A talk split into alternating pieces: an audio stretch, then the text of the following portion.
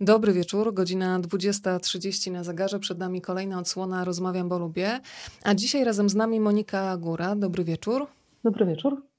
Część z Państwa Monika już miała okazję spotkać e, w Rozmawiam, bo lubię między innymi. Myślę też, że zdecydowana część z Was zna Moniki teksty, e, które były drukowane w dużym formacie, czyli w magazynie reporterów Gazety Wyborczej.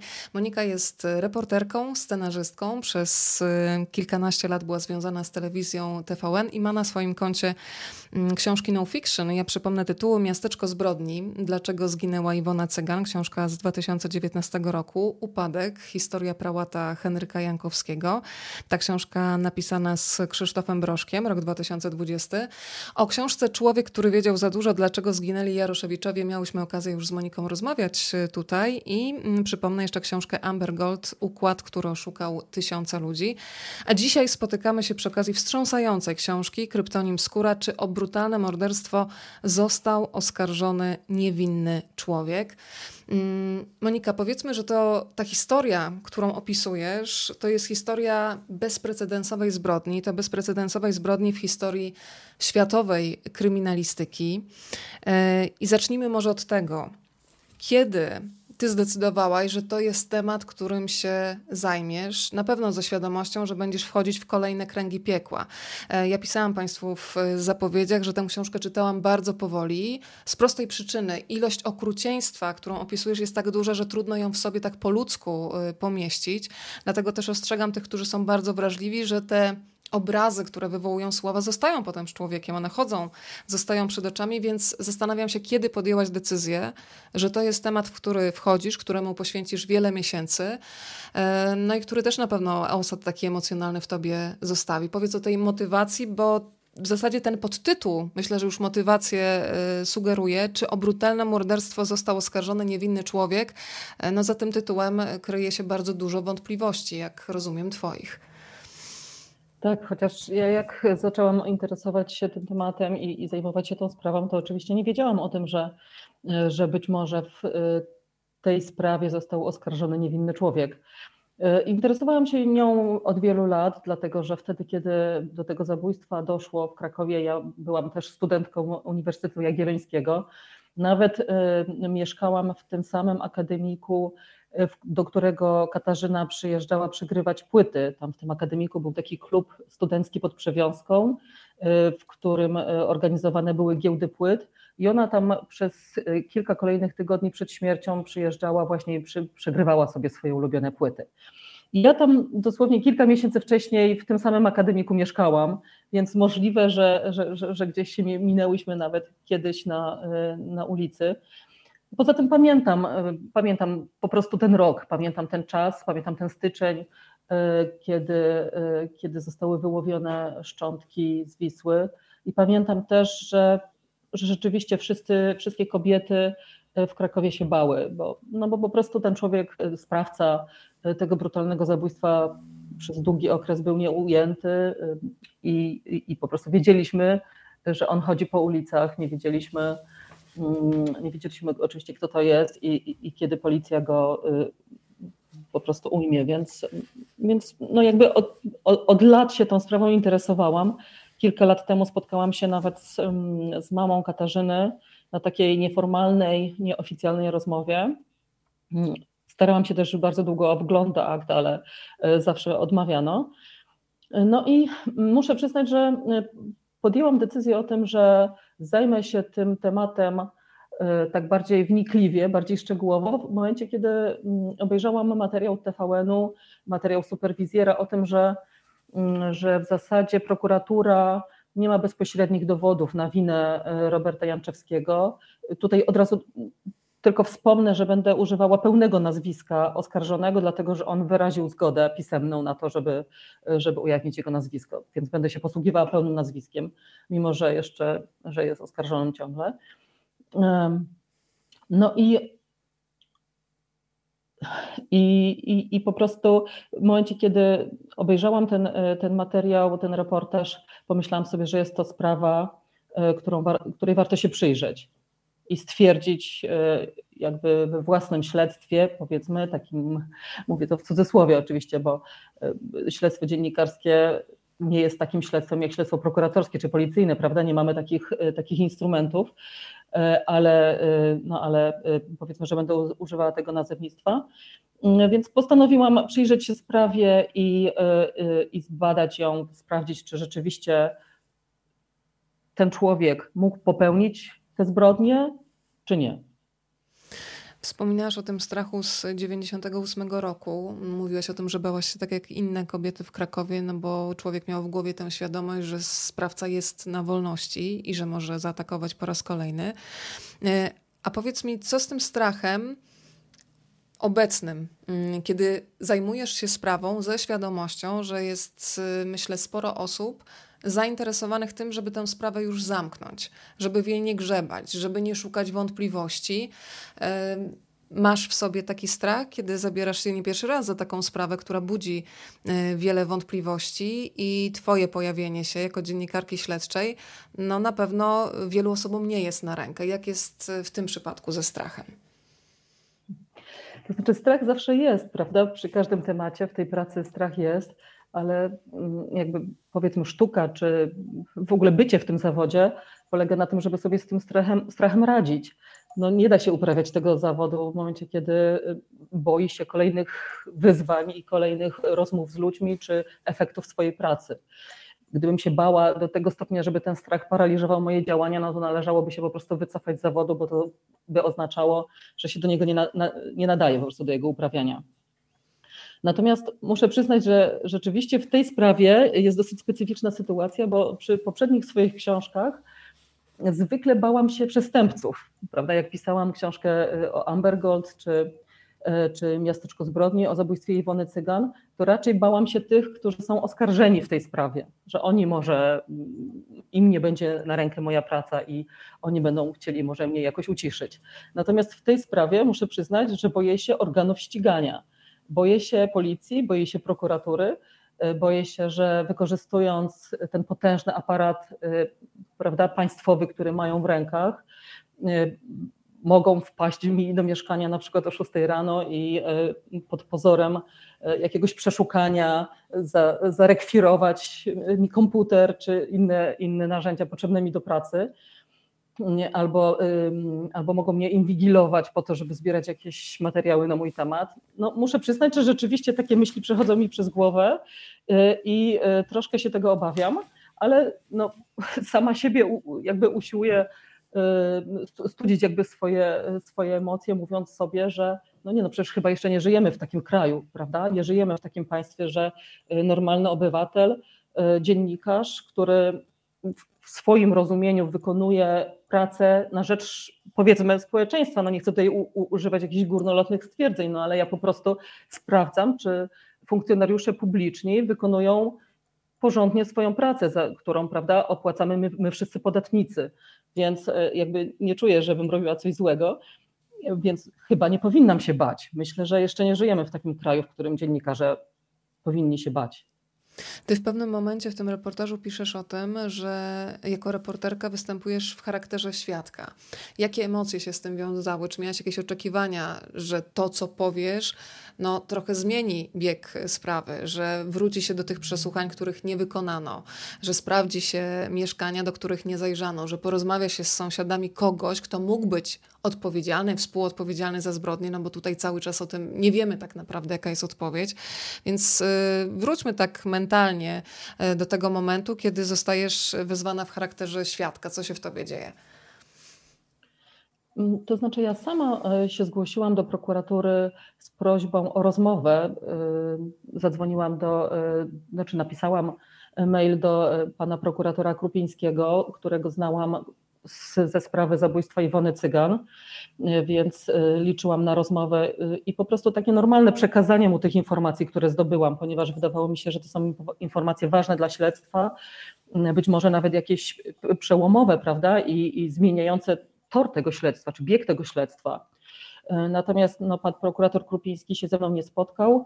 Najpierw przekazał taką informację o tym, żeby się ze mną skontaktować policjantom z Wojewódzkiej Komendy Policji w Krakowie. Kontaktowała się ze mną policjantka, która chciała się właśnie tak nieoficjalnie, nieformalnie spotkać.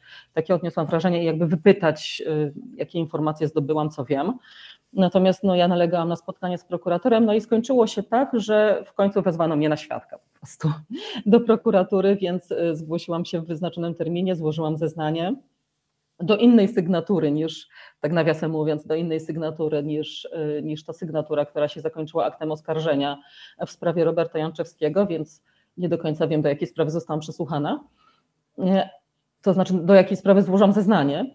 E, mhm. No i niestety po tym, po złożeniu tego zeznania nie stało się to, na co liczyłam. To znaczy prokuratora w zasadzie nie zainteresowała się moimi zeznaniami i nie przesłuchano ani tych osób, które wskazywałam w zeznaniu jako posiadających ważne informacje dla tego śledztwa, ani też nie, e, nawet nie dotarła, nie próbowała dotrzeć i porozmawiać ze świadkiem, który z kobietą, która twierdzi, że widziała poszkodowaną, widziała ofiarę E, w sklepie zoologicznym należącym właśnie do, do Leszka L., czyli kolegi Roberta Janczewskiego z zawodówki.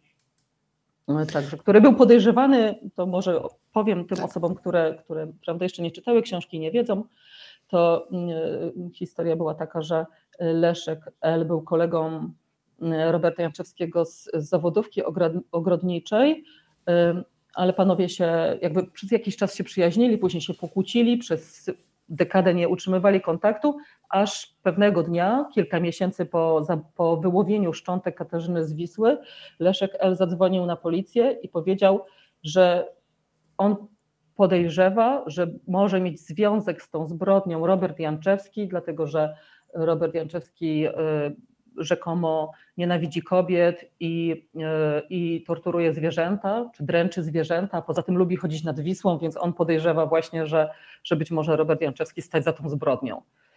E, więc jest ważną, ważną postacią, e, postacią w tej sprawie, bo jakby to on doniósł na Roberta Janczewskiego jako pierwszy w kontekście tej zbrodni i to od, nie, od jego donosu rozpoczęło się zainteresowanie policji Robertem Janczewskim. Więc wydawało mi się, że świadek, który, który widział y, poszkodowaną czy ofiarę przed jej śmiercią w sklepie tegoż, tegoż Leszka L., który doniósł na Roberta Janczewskiego, jest bardzo ważną informacją. Nie tylko mówi nam o tym, co, y, jakby, czym zajmowała się Katarzyna przed śmiercią, prawda, co robiła, gdzie, y, gdzie chodziła, z kim się spotykała, czy może tam pracowała nawet, ale też wskazuje na być może znajomość Leszka L. z Katarzyną. Ja oczywiście cały czas y, tutaj będę się zastrzegać i powtarzać, że to nie jest pewna informacja naturalnie. To, ta kobieta też nie jest na 100% pewna, że widziała tam Katarzynę w tym sklepie. Ale należałoby to sprawdzić. Tak, tak. ona tak mówi, że na 90% to była ta dziewczyna, ale absolutnie należałoby to sprawdzić i poprzeć, poprzeć zeznaniami innych świadków, bo z całą pewnością, jeżeli ona mogła widzieć Katarzynę, to inni też ją mogli widzieć, prawda? To był sklep, do którego przychodziła na pewno masa osób, więc y, przypuszczam, że, y, że dałoby się to sprawdzić i, i spróbować dotrzeć do tych osób. To zróbmy no, ale taką... tak się nie stało. Tak zróbmy, się nie stało. Moniko, taką, nie, y, nie dotarł tak, do nich. E, mhm. taką ekspresową rekonstrukcję zdarzeń dla tych, którzy jeszcze książki nie czytali. Zaczynasz tę opowieść od roku 98, kiedy dochodzi do zaginięcia młodej studentki z Krakowa. Później zatrzymujemy się w roku 99, kiedy mm, o y, łódź, która płynie po Wiśle, okazuje się, że y, wkręciła się po prostu w śrubę płynącego po Wiśle statku y, ludzka skóra. I co dzieje się potem? Mm, kiedy dochodzi do badań DNA i kiedy w ogóle jest, są y, identyfikowane, kiedy zostaje zidentyfikowane ciało Katarzyny i co dzieje się później, bo 2022 rok to jest moment, kiedy zapada wyrok dożywocia, czyli mamy 24 lata od roku 98. E, to jest wyrok nieprawomocny, od razu powiedzmy. Ale co się dzieje po drodze? Jak, e, kiedy ta sprawa zostaje zawieszona? Kiedy zostaje aresztowany Robert Janczewski? Co się dzieje po drodze? No, to jest bardzo długi, długi przedział czasowy, prawda? Długi okres. Więc zaczynając od początku, W, 90, w styczniu 1999 roku wyłowiono z Wisły szczątki, szczątki jakiejś młodej dziewczyny. Badania genetyczne dosyć szybko, to znaczy w ciągu kilku miesięcy, potwierdziły, że jest, są to szczątki należące do Katarzyny. I, I w zasadzie nie było żadnego, to znaczy policja na początku typowała mężczyzn właśnie z tego wspomnianego przeze mnie wcześniej klubu pod Przewiązką. To był taki studencki klub e, na miasteczku studenckim w Krakowie. Typowała jednego, jednego chłopaka, który przegrywał Katarzynie płyty, jakiegoś nieformalnego kierownika tego klubu. No to były takie typy, moim zdaniem, y, w ciemno, prawda? To były typy y, mężczyzn, które się w ogóle jakkolwiek kontakt, y, po prostu znały z Katarzyną, rozmawiały z nią, kontaktowały się i, i, to, i to było tego typu, to, był, to byli tego typu podejrzewani. No ale te działania nie przyniosły żadnych, żadnych takich wymiernych efektów i e, aż do e, w zasadzie, e, a jeszcze po drodze była, było podejrzenie Władimira W., który, który oskalpował dosłownie kilka miesięcy później, znaczy po wyłowieniu tych szczątków z Wisły, oskalpował swojego ojca i chodził po prostu w skórze jego twarzy na swojej skórze. Wstrząsające. Tak, Powiem tak, ci, że do tej pory myślałam, historia. że twórcy horrorów mają jakąś rozjechaną wyobraźnię, że do takich rzeczy nie dochodzi. Po czym dostaję do ręki twój reportaż, ja nawet dreszcze teraz, kiedy o tym mówisz, e, bo e, jak sobie to człowiek w ogóle zwizualizuje i zobaczy, co, musi, co może być w głowie człowieka, inna sprawa, że twoja książka też pokazuje czasami skąd bierze się takie, a nie inne zachowanie człowieka i o tym myślę, że też trochę porozmawiamy dzisiaj, ale przepraszam, że ci przerwałam. Tak, tak, no to jest absolutnie potworna, e, też potworna zbrodnia. Więc przez jakiś czas śledczy myślą, że być może ten Władimir W. jest odpowiedzialny również za morderstwo Kasi, dlatego że nie dość, że, że, że jakby to e, odległość pomiędzy tymi dwoma miejscami jest niewielka, to znaczy tu e, zabójstwo Kasi miało miejsce w Krakowie, a zabójstwo ojca Władimira pod, we wsi pod Krakowem, dosłownie tam kilkanaście kilometrów, czy, czy, czy około 20 kilometrów dalej. jeszcze w dodatku w tym samym czasie, prawda, i oskurowanie, które zdarza się tak bardzo rzadko, więc no, uzasadnione jak najbardziej było ich podejrzenie, że te sprawy się łączą. Później stwierdzili, że jednak się nie łączą, że tam te cięcia na skórze y, były inne. No w każdym razie wykluczyli sprawstwo y, Władimira W., jak chodzi o zabójstwo Katarzyny.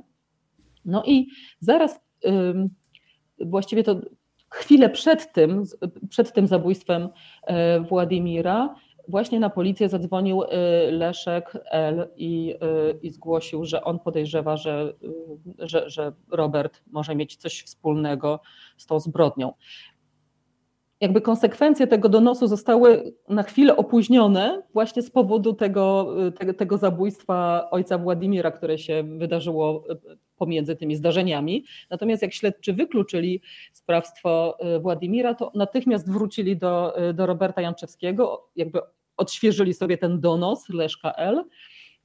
i wrócili do, y, do sprawy Roberta Janczewskiego i w, w marcu 2000 roku policja przyjechała do jego mieszkania dosyć sporą ekipą. Przeszukiwali jego mieszkanie przez kilka godzin.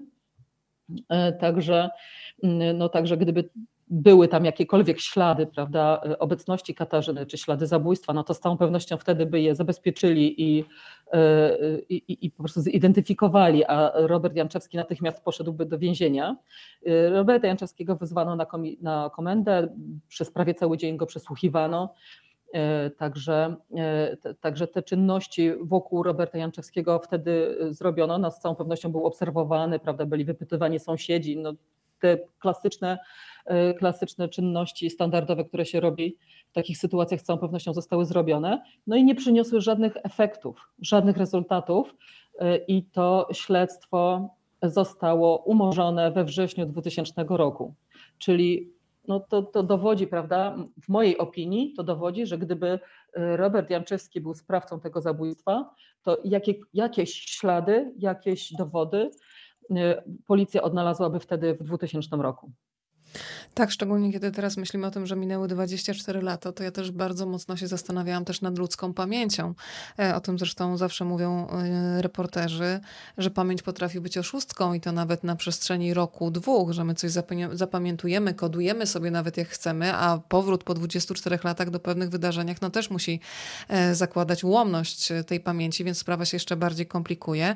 Zapytam cię teraz Monika osoby, które zajmowały się tym tematem wcześniej, bo mówiłaś o tym, że się mm, obawiasz reakcji organów ścigania, e, ale zastanawiam się też, e, jak Twoja książka, czy już masz jakiś odzew, została też odebrana przez dziennikarzy. I zacznę od tego, na ile w świecie dziennikarskim istnieje coś takiego jak wymiana informacji, współpraca, jakieś współdziałanie dla wspólnego celu, a na ile mówiąc brutalnie, no jest też walka o temat, o pierwszeństwo, kto pisze jakąś e, sprawę, e, bo przywołujesz też konkretne teksty, konkretne programy, w których dziennikarze no w zasadzie już pisali tak te teksty, że skazywali w tych tekstach konkretne osoby. Tutaj mowa oczywiście o Robercie Janczewskim. No, muszę przyznać, że mnie bardzo, bardzo drażnią te teksty, które się pojawiły w tej sprawie. E, w szczególności teksty, które właśnie, tak jak mówisz, skazywały Roberta Janczewskiego, zanim e, zapadł jakikolwiek wyrok.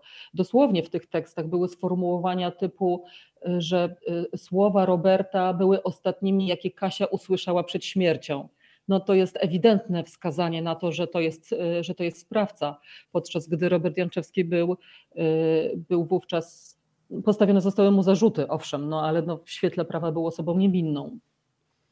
Więc y, rzeczywiście śledczy w tej sprawie y, wypuścili poprzez zaprzyjaźnionych, y, zaprzyjaźnionych dziennikarzy bardzo wiele niesprawdzonych, niepotwierdzonych informacji, bardzo wiele hipotez, z których sami się później wycofali, ale niestety to, co zostało już opublikowane w mediach, to zostało po prostu. To, to nigdy nie zostało sprostowane. jakoś sprostowane, zanegowane, prawda? Więc no, muszę przyznać, że i, prokuratu, i prokuratura, i, i policja, y, która zajmowała się tą sprawą, i dziennikarze zaprzyjaźnieni, bo to niestety tak wyglądało w tej sprawie, że materiały, informacje dostawali zaprzyjaźnieni dziennikarze. I jakby nie jestem tutaj y, prawda, gołosłowna, ponieważ jeden z dziennikarzy prowadzi który pisał te teksty, prowadzi w chwili obecnej kanał na YouTubie z szefem Archiwum X, więc nie tylko się przyjaźnią, ale też zarabiają, a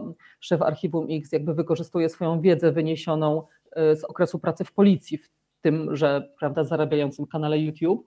A inny dziennikarz napisał, który dostawał te informacje, napisał e, z panem Bogdanem Michalcem, szefem Archiwum X, dwie książki na temat Archiwum X, prawda? No więc to po prostu muszę przyznać, że warto byłoby się chyba w środowisku dziennikarskim zastanowić, czy takie zachowania w ogóle są jakby etyczne, prawda? Dlatego, że mam wrażenie, że dziennikarz, który się zaprzyjaźnia z, z, z szefem krakowskiego Archiwum X, czy zaprzyjaźnia się z jakimś prokuratorem, y, to trochę chyba y, my, po prostu pobłądził, mam wrażenie, prawda? Dlatego, że czy on może później być obiektywny w stosunku do pracy takiego prokuratora i takiego, y, takiego policjanta, czy on może skrytykować y, ich pracę, czyli w zasadzie wykonywać swój zawód, prawda? Bo do tego został stworzony. Przecież nie do tego, żeby być rzecznikiem prasowym policji czy prokuratury, tylko żeby przyglądać się tym funkcjonariuszom publicznym, patrzeć im na ręce i sprawdzać, czy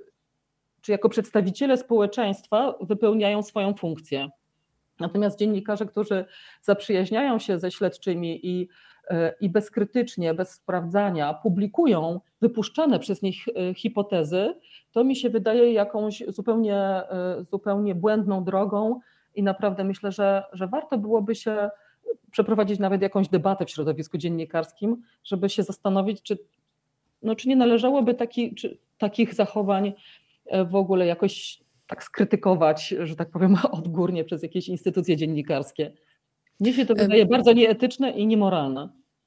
E, takich e, granic, które powinny być wyznaczone, myślę, że dla każdych zawodów powinno być mnóstwo. Zresztą nawet Twój reportaż pokazuje, jacy ludzie chodzą do szkół, uczą dzieci, kto jest w zasadzie powoływany niemal jako biegły w sprawie, bez żadnego wykształcenia i predyspozycji do tego, do tego dojdziemy. Drodzy Państwo, oczywiście można się dzielić tym spotkaniem, wystarczy nacisnąć guzik udostępnij i ta rozmowa pojawi się na Waszej osi czasu. Widzę, że kolejne osoby do nas e, dołączają. Mm, powiedziałyśmy o tej współpracy organów e, ścigania z mediami.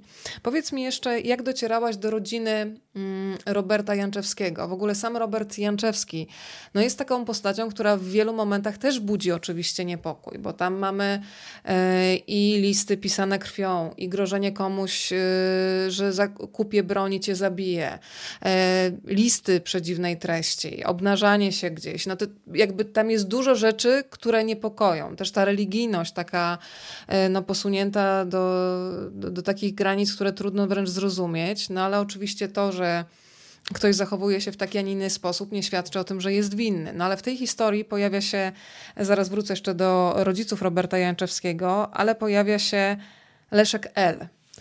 E, I to jest postać jak z horroru, a przede wszystkim pokazujesz y, no, niewyjaśnione do tej pory powiązania tego człowieka z prokuraturą między innymi. E, no to zacznijmy od tych żywych lekcji biologii, żeby pokazać między innymi jak dziurawy jest system, który teoretycznie powinien takie sprawy regulować, ale jak widać e, nie reguluje.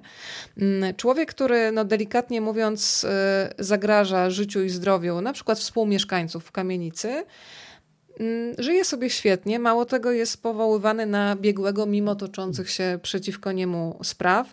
Y, oczywiście mówię o sytuacji z, sprzed lat. Więc y, powiedzmy trochę o Leszku L., mm, bo twój reportaż pokazuje, że to jest jedna z tych no, najbardziej niepokojących postaci, którą, która powinna zostać prześwietlona i sprawdzona w przypadku e, tej historii. Tak, tak, tak myślę, że, że to jest jedna z postaci, która nie została porządnie przez śledczych sprawdzona, a wnioskuję to po tym, że wszystkie osoby, z którymi ja rozmawiałam, to znaczy sąsiadki, czy jego e, były kobiety, czy jego znajomi, jego znajome, że z nimi nie rozmawiał żaden policjant, że z nimi nie rozmawiał prokurator. Ja byłam pierwszą osobą, która w ogóle do nich dotarła. Natomiast one opowiadały wstrząsające, zupełnie e, wstrząsające rzeczy na temat Leszka L., z których wynikało, że nie tylko bardzo lubił alkohol i y, zdecydowanie przyjmował go y, zbyt dużo. Po alkoholu by, bywał agresywny, y, wdawał się w bójki, robił awantury mieszkańcom kamienicy. Przytaczam takie opowieści w książce, w której mieszkańcy kamienicy opowiadają, że biegał, zdarzało się, że biegał nagi z krokodylem na ramieniu po kamienicy i po prostu straszył ludzi. Ja mogę cytać fragment z twojego reportażu, bo to jest nie do uwierzenia, jakby o współlokatorach Leszka L chciałam powiedzieć. Szyby w oknach są zaklejone wylinkami gadów z kolekcji Leszka. Ściany wyłożone boazerią zdobią wypreparowane trofea. Wiszą tu waran, rogata głowa guźca, afrykańskiej świni, antylopy i czaszka niedźwiedzia brunatnego. Żyją w nich trzy, i tam potem mamy klatki. Żyją w nich trzy krokodyle, skorpion, boa dusiciel, dwa pytony, grzechotniki, kobra. E, tam jeszcze wymieniasz bardzo jadowitą żmiję. W pomieszczeniu panują nieprzyjemna woni, dość wysoka temperatura. W łazience w wannie mieszka żółw jaszczurowaty. Jego szczęki mają moc równą uderzeniu 600-kilogramowego odważnika. E, I powiedzmy, że to, że on sobie z nimi żyje, mimo że to już jest nielegalne, bo przecież potem była ta ustawa, że nie można sobie w, w domu po prostu trzymać tego typu gatunków, to mało to o tego, on sobie z tymi współlokatorami podróżuje na przykład do szkoły w Rzeszowie i dzieciom pokazuje te, te zwierzęta. Powiedz o tym, bo to jest coś, ja po prostu czytam i mówię, nie no, powiem Ci, że kolejne rozdziały ja mówię, to się nie dzieje, a jednak to się dzieje, więc e, te dziury w systemie trzeba pokazać, bo to jest pewnie jedna z wielu sytuacji, e, które się dzieją w Polsce. Tak, no niestety oprócz tego, że Leszek L. hodował te dzikie zwierzęta w ilościach hurtowych w swoim mieszkaniu, które mieściło się po prostu w kamienicy w centrum miasta, e, to dostał pozwolenie, nawet właściwie nie wiem czyje do końca, dlatego że nie udało mi się ani z kuratorium, z ministerstwa uzyskać żadnego potwierdzenia, kto mu to pozwolenie wydał i na jakiej podstawie. E, e, więc uzyskał w jakichś tajemniczych warunkach, w jakichś tajemniczych okolicznościach pozwolenie na pokazywanie tych dzikich zwierząt dzieciom w szkołach. I no być może takie żywe lekcje biologii rzeczywiście są fajne, prawda, mogą zainteresować dzieci przyrodą, ale no niestety człowiek, który pije w nadmiarze alkohol, prawda, budzi się skacowany i jedzie z niebezpiecznymi gadami w koszach do szkół, gdzie pokazuje te dzieci, te, te gady, prawda, jadowite, y, które potrafią jednym kłapnięciem y, paszczy po prostu zabić człowieka, pokazuje, pokazuje je dzieciom, no to tutaj moim zdaniem coś jest nie tak. No poza tym Leszek L. Był, był człowiekiem agresywnym i e, posiadał wiele sztuk broni, jak twierdzą sąsiedzi, którą wykorzystywał naprawdę w dość niestandardowy sposób. Na przykład strzelał przez okno do znaków drogowych po drugiej stronie ulicy, albo e, słyszałam też opowieść, w której z, z długiej dubeltówki kilkoma strzałami rozwalił piec w kamienicy, ponieważ chciał się go pozbyć, bo sobie chciał zrobić ogrzewanie gazowe. Więc no to był tego typu człowiek. No, z opowiadań osób, które go znały, wynika, że był nieobliczalny, moim zdaniem niebezpieczny. Tak wynika z tych relacji. A mimo to y, został powołany na biegłego sądowego krakowskiego sądu. Dodajmy, że tego samego sądu, który dzisiaj, czy tam kilka miesięcy temu, tak, skazał Roberta Janczewskiego w pierwszej instancji na dożywocie. Tego samego sądu. Y, był biegłym sądowym y, w dziedzinie niebezpiecznych jadowitych gadów.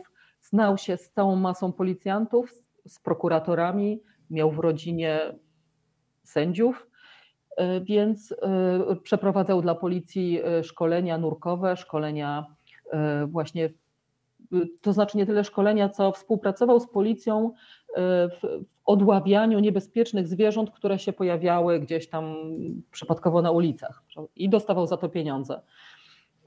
Część osób też twierdzi, że współpracował nieformalnie z policją, no ale tego akurat nie udało mi się potwierdzić. Pojawiają się też y, opowieści, że wielokrotnie był wzywany do spraw, które tak naprawdę e, no, sam zapoczątkował, czyli były jasne sugestie, że wypuszczał te zwierzęta jadowite, e, dzwonił na policję, że jest zagrożenie, więc zamykano konkretny obszar ulicy na przykład e, i on potem bohatersko te zwierzęta odławiał, biorąc też za to pieniądze. To, to no jest tak, jak z jakiejś kilka... tragikomedii tak. po prostu. Kilka osób mi rzeczywiście e, opowiadało ta, taką historię, tak twierdziły, że na przykład w piwnicy raz znaleziono węża jadowitego w piwnicy, w piwnicy kamienicy, w której mieszkał. Tam było biuro turystyczne tej samej kamienicy i po prostu e, właścicielka tego biura turystycznego pewnego dnia przyszła do pracy i chciała e, sięgnąć po klamkę w tym biurze turystycznym i zobaczyła, że opleciony jest wąż po prostu jadowity na tej klamce. Wezwała, wezwała policję, policja wezwała Leszka L. jako biegłego sądowego, który właśnie współpracował z nią w dziedzinie takich niebezpiecznych gadów i Leszek L. zdjął tego węża z klamki, po czym zaniósł go do swojego mieszkania. Tak, tak opowiadają sąsiedzi, prawda? Ja nie byłam świadkiem tej historii, więc tylko mogę pod, po, jakby powtórzyć to, co mi opowiadano. Ja sobie też wyobrażam taki rodzaj desperacji sąsiadów, bo zresztą opisujesz yy, taką, takie podpisy, które zabrani mieszkańcy, którzy wysłali pismo, że tak naprawdę żyją z człowiekiem, który zachowuje się w psychopatyczny s, sposób i żeby ktoś zareagował, niestety nie doczekali się reakcji. Yy, były też programy w, w, telewizji, bo mieszkańcy chcieli nagłośnić tę sprawę, żeby ktoś w końcu no jakby zareagował na tyle wcześnie, żeby nie doszło e, do ewentualnej tragedii. Pani Agnieszka tutaj dopytuje, czy ta budka na osiedlu podwawelskim w Krakowie Gady Gady z mocnym graffiti widoczna od strony ulicy Konopnickiej należała do Leszka L? Nie, nie, nie, to nie, to nie ten sklep. Nie chciałabym zresztą wchodzić w szczegóły, prawda, dlatego Jasne. że Y, że, że opowiadamy tutaj powiedzmy o jakimś zjawisku czy jakiejś osobie, która tak. nie została sprawdzona przez policję i przez prokuraturę w sposób y, dostateczny, natomiast nie chcemy nikogo piętnować ani nikogo oskarżać, y, prawda? Bo ten człowiek, no po pierwsze, nie, nie żyje, więc też sam się nie może bronić. Ja nie mogłam z nim porozmawiać, a po drugie, no, jakby nie została mu przypisana żadna wina, także absolutnie nie będziemy tutaj używać żadnych, żadnych takich informacji, które mogłyby nakierować ewentualnych czytelników na to, kim była konkretnie ta osoba. Będziemy podczas dzisiejszej rozmowy zmieniać tematy i zatrzymywać się przy konkretnych osobach, z którymi rozmawiasz. Dla mnie taką postacią, która mi nie może wyjść z głowy, jest Józef, czyli ojciec Roberta Janczowskiego. Bo dla mnie to jest też taka postać, która pokazuje, jak wiele sprzeczności człowiek jest w, sobie jest w stanie w sobie pomieścić.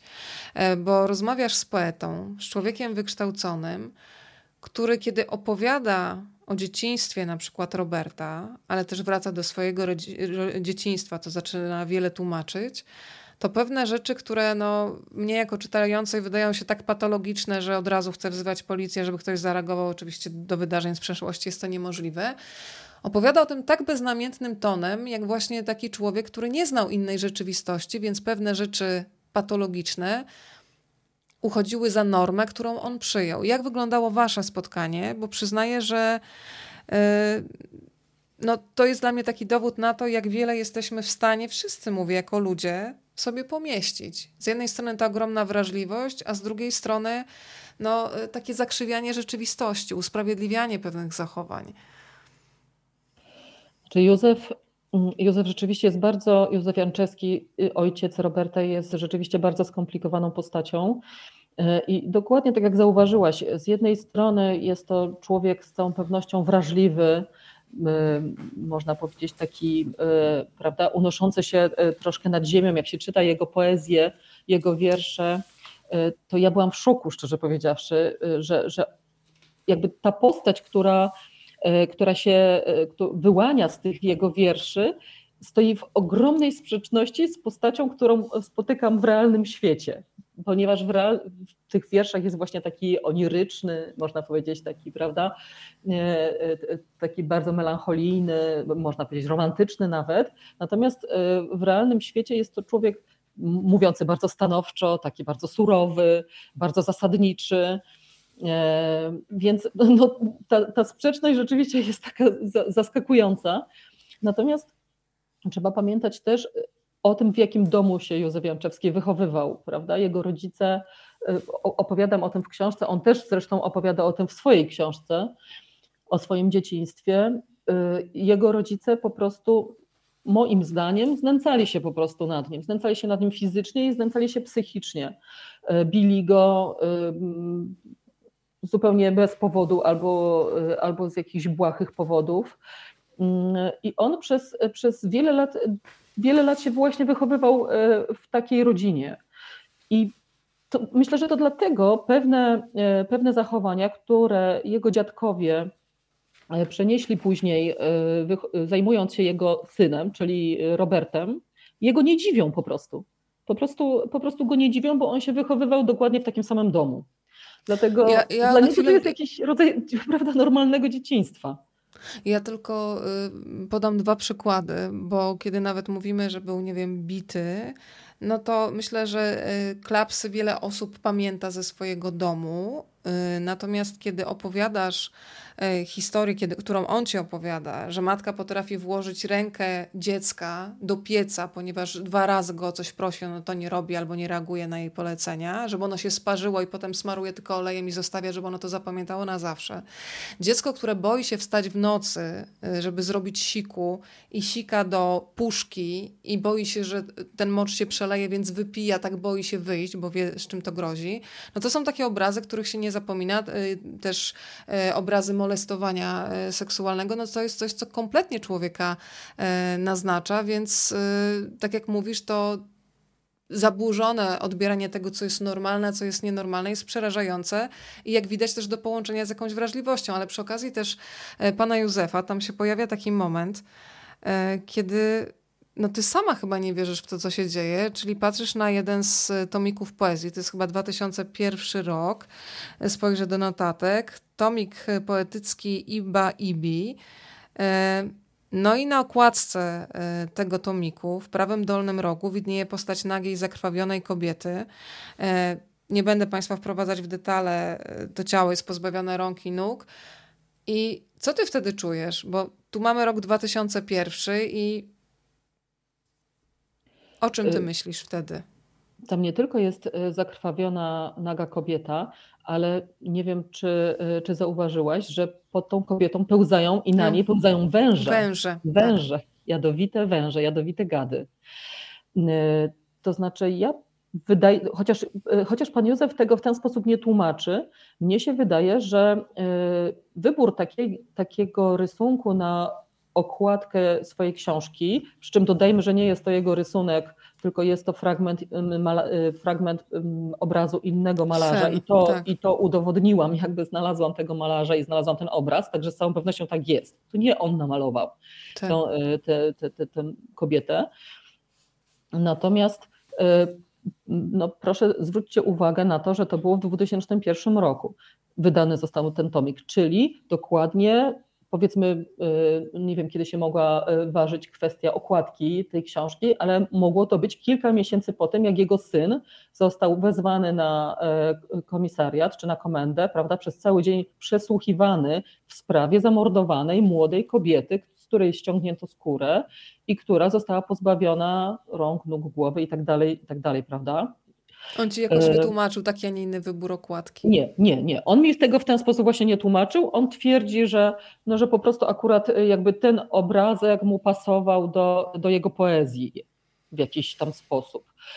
Natomiast ja uważam, on tego może nie pamiętać, prawda? To już jest yy, prawda, człowiek, yy, człowiek starszy, można powiedzieć. Mam nadzieję, że się nie obrazi na mnie za to stwierdzenie. E, natomiast, e, więc po prostu może nie pamiętać tak naprawdę, co, e, co nim.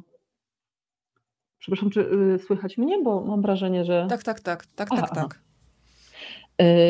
Mam, może nie pamiętać po prostu tego, co nim kierowało. Natomiast mnie się wydaje to uzasadnione. No, tak jak mówię, kilka miesięcy wcześniej, czy rok wcześniej, jego syn był przesłuchiwany w sprawie morderstwa Katarzyny. W domu y, było przeszukanie policji. Później zresztą wspominam o tym w książce, że Robert to przeszukanie bardzo ciężko przez kolejne miesiące, lata bardzo, bardzo źle przeżywał, bardzo ciężko znosił.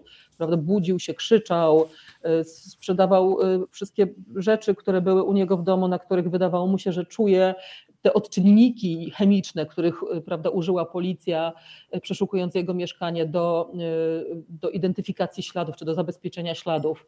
Więc no, musimy zrozumieć, że cała ta sytuacja z całą pewnością wywarła wpływ nie tylko na Roberta Janczewskiego, ale przecież na jego rodziców też, prawda? Na całą rodzinę. Przerażająca jest ta historia związana z mamą, z panią Marią, bo uzmysłowiłam sobie, że w zasadzie każdy i każda z nas w sytuacji, gdyby no, potraktować sytuację jeden do jednego, czyli jesteśmy jakoś związani z potencjalnym sprawcą, bo potencjalny sprawca to mógłby być każdy. I nagle przyjeżdża ktoś y, do mnie, do ciebie, Monika. Załóżmy, że jesteśmy matkami y, czy siostrami osoby podejrzanej o popełnienie zbrodni. I nagle, tak jak stoimy, na trzy miesiące ktoś nas y, wywozi do ośrodka opieki społecznej i w zasadzie człowiek nie ma nic do powiedzenia. To, to też jest przerażająca historia, kiedy sobie uzmysłowisz, że takie rzeczy mogą się zdarzyć każdemu, wystarczy to posądzenie. Przerażające, przerażające. To wywiezienie pani Marii Janczewskiej na, na prawie trzy miesiące do Domu Pomocy Społecznej to naprawdę.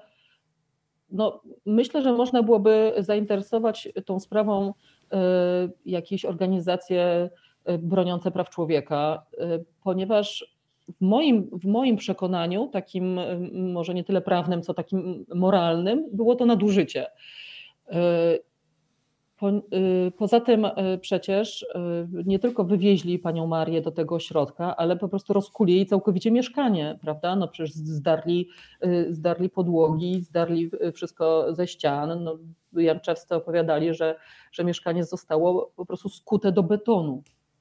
Dosłownie wywieziono, wywieziono całą łazienkę, wannę, e, zlew, e, ubikację, wszystko, skuto płytki e, w łazience. Zabrano wszystkie ubrania pani Marii. Pani Maria musiała pożyczać sobie szalik i czapkę od męża, bo po prostu nie miała się w co ubrać, a, a było już zimno. Wtedy to było przecież październik.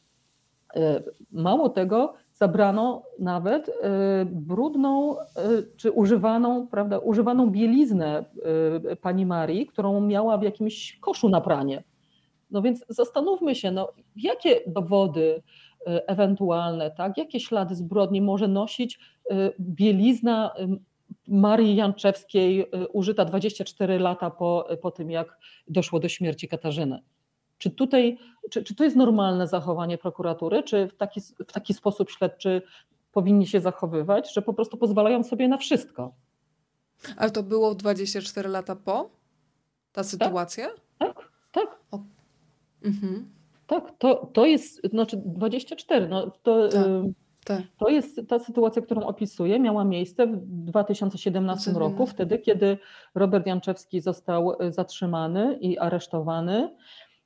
I wtedy właśnie pani Maria Janczewska y, została wywieziona na miesiące do domu, na prawie trzy miesiące do domu opieki społecznej, natomiast śledczy przez y, chyba dwa miesiące albo ponad miesiąc co najmniej kuli w jej mieszkaniu i wywozili, y, wywozili ciężarówkami gruz i różne sprzęty z mieszkania zawalając, mówiąc potocznie, y, laboratoria kryminalistyczne w całym kraju badaniem ty, tychże, y, tychże zabezpieczonych śladów. A później przez miesiąc podobno zatrudnili jakichś Ukraińców, którzy, y, którzy próbowali doprowadzić mieszkanie Janczewskich do jakiejkolwiek używalności, żeby, żeby pani Maria po prostu z tego domu opieki społecznej miała gdzie wrócić.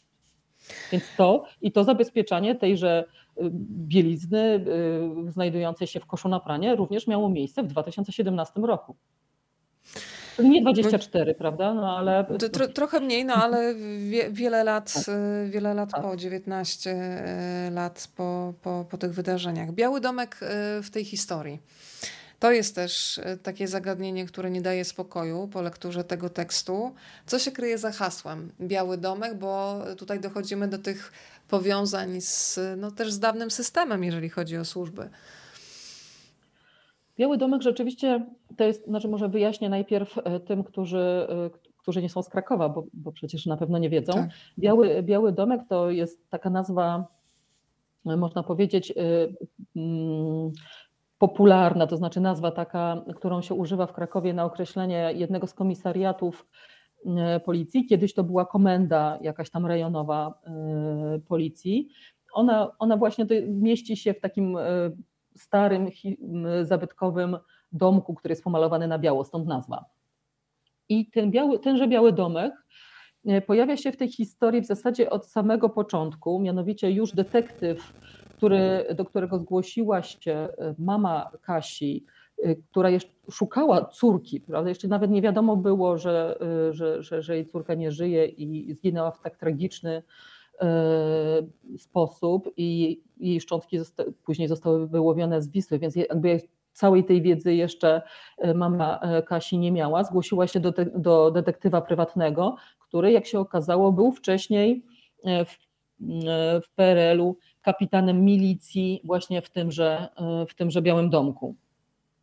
On zresztą, on zresztą mm, prawdopodobnie nakierował policję na tych pierwszych podejrzewanych y, mężczyzn z klubu pod przewiązką. Tak przynajmniej słyszałam taką opowieść, że, że to on się z koleżanką Kasi tam jako pierwszy pojawił właśnie i, y, i wypytywał, wypytywał tych mężczyzn w klubie pod przewiązką. Później Biały Domek się pojawia E, w, zeznań, w zeznaniach e, obciążających Roberta. Jedna z kobiet, która właśnie zeznawała, sąsiadek, która zeznawała przeciwko Robertowi, mówiła, że opowiadała, o jakichś agresywnych zachowaniach Roberta, polegających na tym, że tam kopnął kogoś w kostkę, a kogoś popchnął. No to właśnie też była e, podobno milicjantka właśnie z tego Białego Domku.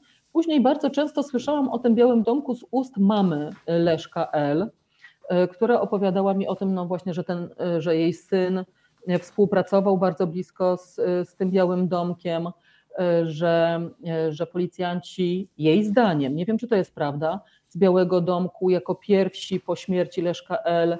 przyjechali do jego mieszkania i je przez kilka dni przeszukiwali.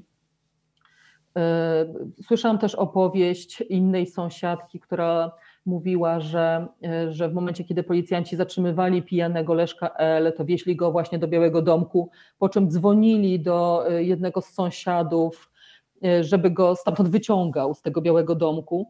Więc ten, ten Biały Domek, a jeszcze ostatnio dowiedziałam się, że prawdopodobnie Leszek L. zadzwonił z tym swoim donosem na Roberta Janczewskiego nie do Komendy Wojewódzkiej Policji w Krakowie, jak, jak wynika z opinii psychologicznej, e, która została sporządzona wiele lat temu w śledztwie prokuratorskim, e, tylko właśnie zadzwonił do Białego Domku, czyli być może do policjantów, których znał, prawda, i z którymi współpracował.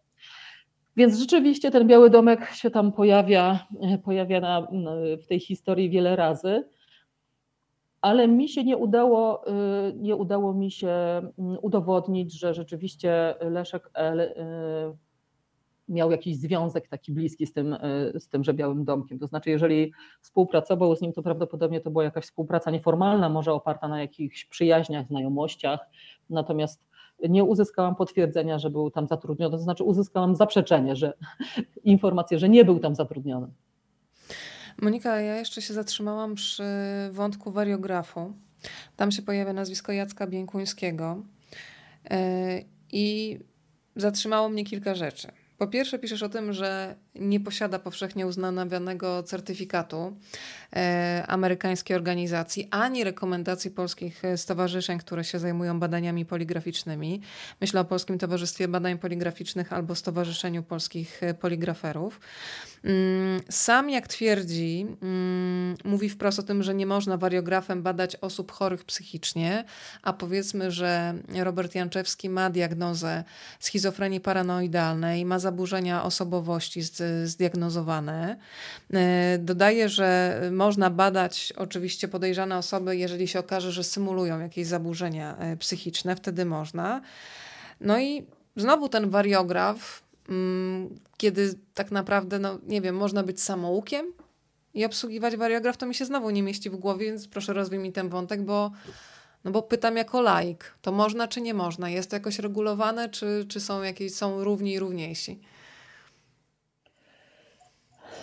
No, nie jestem jakąś ekspertką w tej dziedzinie, więc nie chciałabym się tutaj e, rozwijać bardzo przy tym wątku. Natomiast Moje zastrzeżenia budzi kilka faktów. Po pierwsze właśnie ten, że sam Jacek Bieńkuński twierdzi, że, że, że, nie powinno się badać osób chorych na schizofrenię, a z całą pewnością e, potwierdziło to wiele, wielu lekarzy, potwierdziło tu kilka obserwacji w szpitalach psychiatrycznych. Robert Janczewski z całą pewnością jest osobą chorą na schizofrenię paranoidalną, więc jakby już, prawda, pan Jacek Bieńkuński sam sobie zaprzecza, bo badał, badał Roberta Janczewskiego, mimo że on ma stwierdzoną chorobę i jego wyniki tych badań, z tego co wiem, były dowodami w sądzie. Więc czy tak powinno być?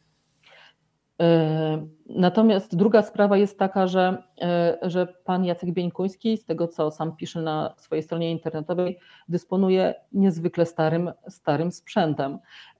Jeśli dobrze pamiętam, jest to, jest to wariograf z, z 2003 roku. Nie jestem pewna tej daty, no ale w każdym razie na pewno, na, na pewno jest to wiekowy sprzęt. I pytanie jest takie, no technika prawda, poszła do przodu, mamy nowoczesne, nowoczesne wariografy, nowoczesne metody badania. Dlaczego, dlaczego pan Jacek Bieńkuński akurat zatrzymał się na tak, jakby i bada, bada osoby oskarżone tak starym sprzętem i przede wszystkim czy jego badania są jakby weryfikowane przez, prze, przez kogokolwiek, czy, czy, czy jego badania są sprawdzane i weryfikowane przez jakiekolwiek właśnie stowarzyszenia prawda, zawodowe, czy jakieś, nie wiem, związki zawodowe, kogokolwiek tak naprawdę. Czy po prostu pan Jacek Bieńkuński na swoim, e, na swoim sprzęcie przeprowadza jakieś, e, jakieś badanie, po czym, po czym prokuratura powołuje go jako jako biegłego i, i taki dowód jest y, przedstawiany przed sądem i może obciążać, może obciążać oskarżonego. No tutaj się rodzi, y, rodzi się bardzo wiele pytań. Ja muszę przyznać, że na przykład, że spotkałam się również y, z, wynikami poligrafu pana Jacka, przeprowadzonego przez pana Jacka Bieńkuńskiego w sprawie o zabójstwo Jaroszewiczów i tam pamiętam, że te badania poligraficzne były ostatnim dowodem przedstawianym w sądzie przez prokuraturę, która później wycofała się całkowicie z aktu oskarżenia. Czyli e, pan Jacek Bieńkuński e, twierdził, że oskarżeni w zabójstwie Jaroszewiczów, wtedy tam oskarżeni z Mińska Mazowieckiego, z jego badań wynikało, że są, że mają jakiś związek ze sprawą, że mogą, mogą mieć wiedzę co najmniej albo mogli brać udział w tym zabójstwie. Natomiast później sama prokuratura wycofała się z tego twierdzenia, że oni, że, że ci oskarżeni mają związek ze sprawą i mogli brać udział w tym zabójstwie. Więc no, wynikałoby z tego, że, że tamte wyniki pana, wyniki wariografu pana Jacka Bieńkuńskiego chyba nie były prawidłowe. Pamiętam, że też w sprawie e, Iwony, zabójstwa Iwony Cygan też e, pan Bieńkuński robił, robił tam badania poligraficzne i też pamiętam, że w przypadku co najmniej jednego, jednej z osób, którą dzisiaj prokuratura krajowa uważa za współwinną, już nieżyjącą, wyniki wariografu pana, pana Bieńkuńskiego twierdziły, że, znaczy wskazywały na to, że nie miał żadnego związku ze sprawą. No także ja widzę, szczerze powiedziawszy, że, że te wyniki Y, że te wyniki mogą być nie do końca, nie, nie przedstawiać prawdy. Tu mówimy o wariografii, ale pojawia się też w tej sprawie wątek egzorcysty i wątek y, jasnowidza. Zresztą pozwalasz sobie tutaj na komentarz, że widać już policja dochodzi do wniosku, że nie ma ziemskiej siły, żeby rozwiązać tę sprawę i to jest też pytanie o to, czy istnieje tak naprawdę zbrodnia doskonała. Y, jak wygląda współdziałanie policji z jasnowidzem i jak wygląda współdziałanie z egzorcystą, chociaż tak naprawdę nie wiadomo, do kogo jest ten egzorcysta powołany w tej sprawie, ale o tym też pisze, że to też jest część tej historii. Znaczy, znalazłam taką informację w prasie, że powołano też egzorcysta. Nic więcej na ten temat nie wiem, więc y, y, nie mogę się tą wiedzą podzielić. Natomiast y, pan, pan Krzysztof Jackowski, jasnowic Człuchowa, był powoływany do tej sprawy dwa razy. Przeprowadzał, był powoływany jako, jako biegły, przeprowadzał właśnie swój, swoje seanse jasnowidzenia. I z jego seansów jasnowidzenia w zasadzie nic nie wyniknęło. E, to znaczy wskazywał, wskazywał na zupełnie inne osoby niż, niż ostatecznie zostały w tej sprawie oskarżone. Wskazywał na osoby, które później okazywało się, że są całkowicie niewinne. Moim zdaniem, moim zdaniem prokuratura absolutnie nie powinna powoływać do tego typu spraw jasnowidzów chciałam powiedzieć tak zwanych jasnowidzów, ale, ale w końcu powiedziałam i tak, e, jasnowidzów, ponieważ nie są udowodnione, e, nie, nie jest udowodniona skuteczność ich, e, prawda, ich widzeń.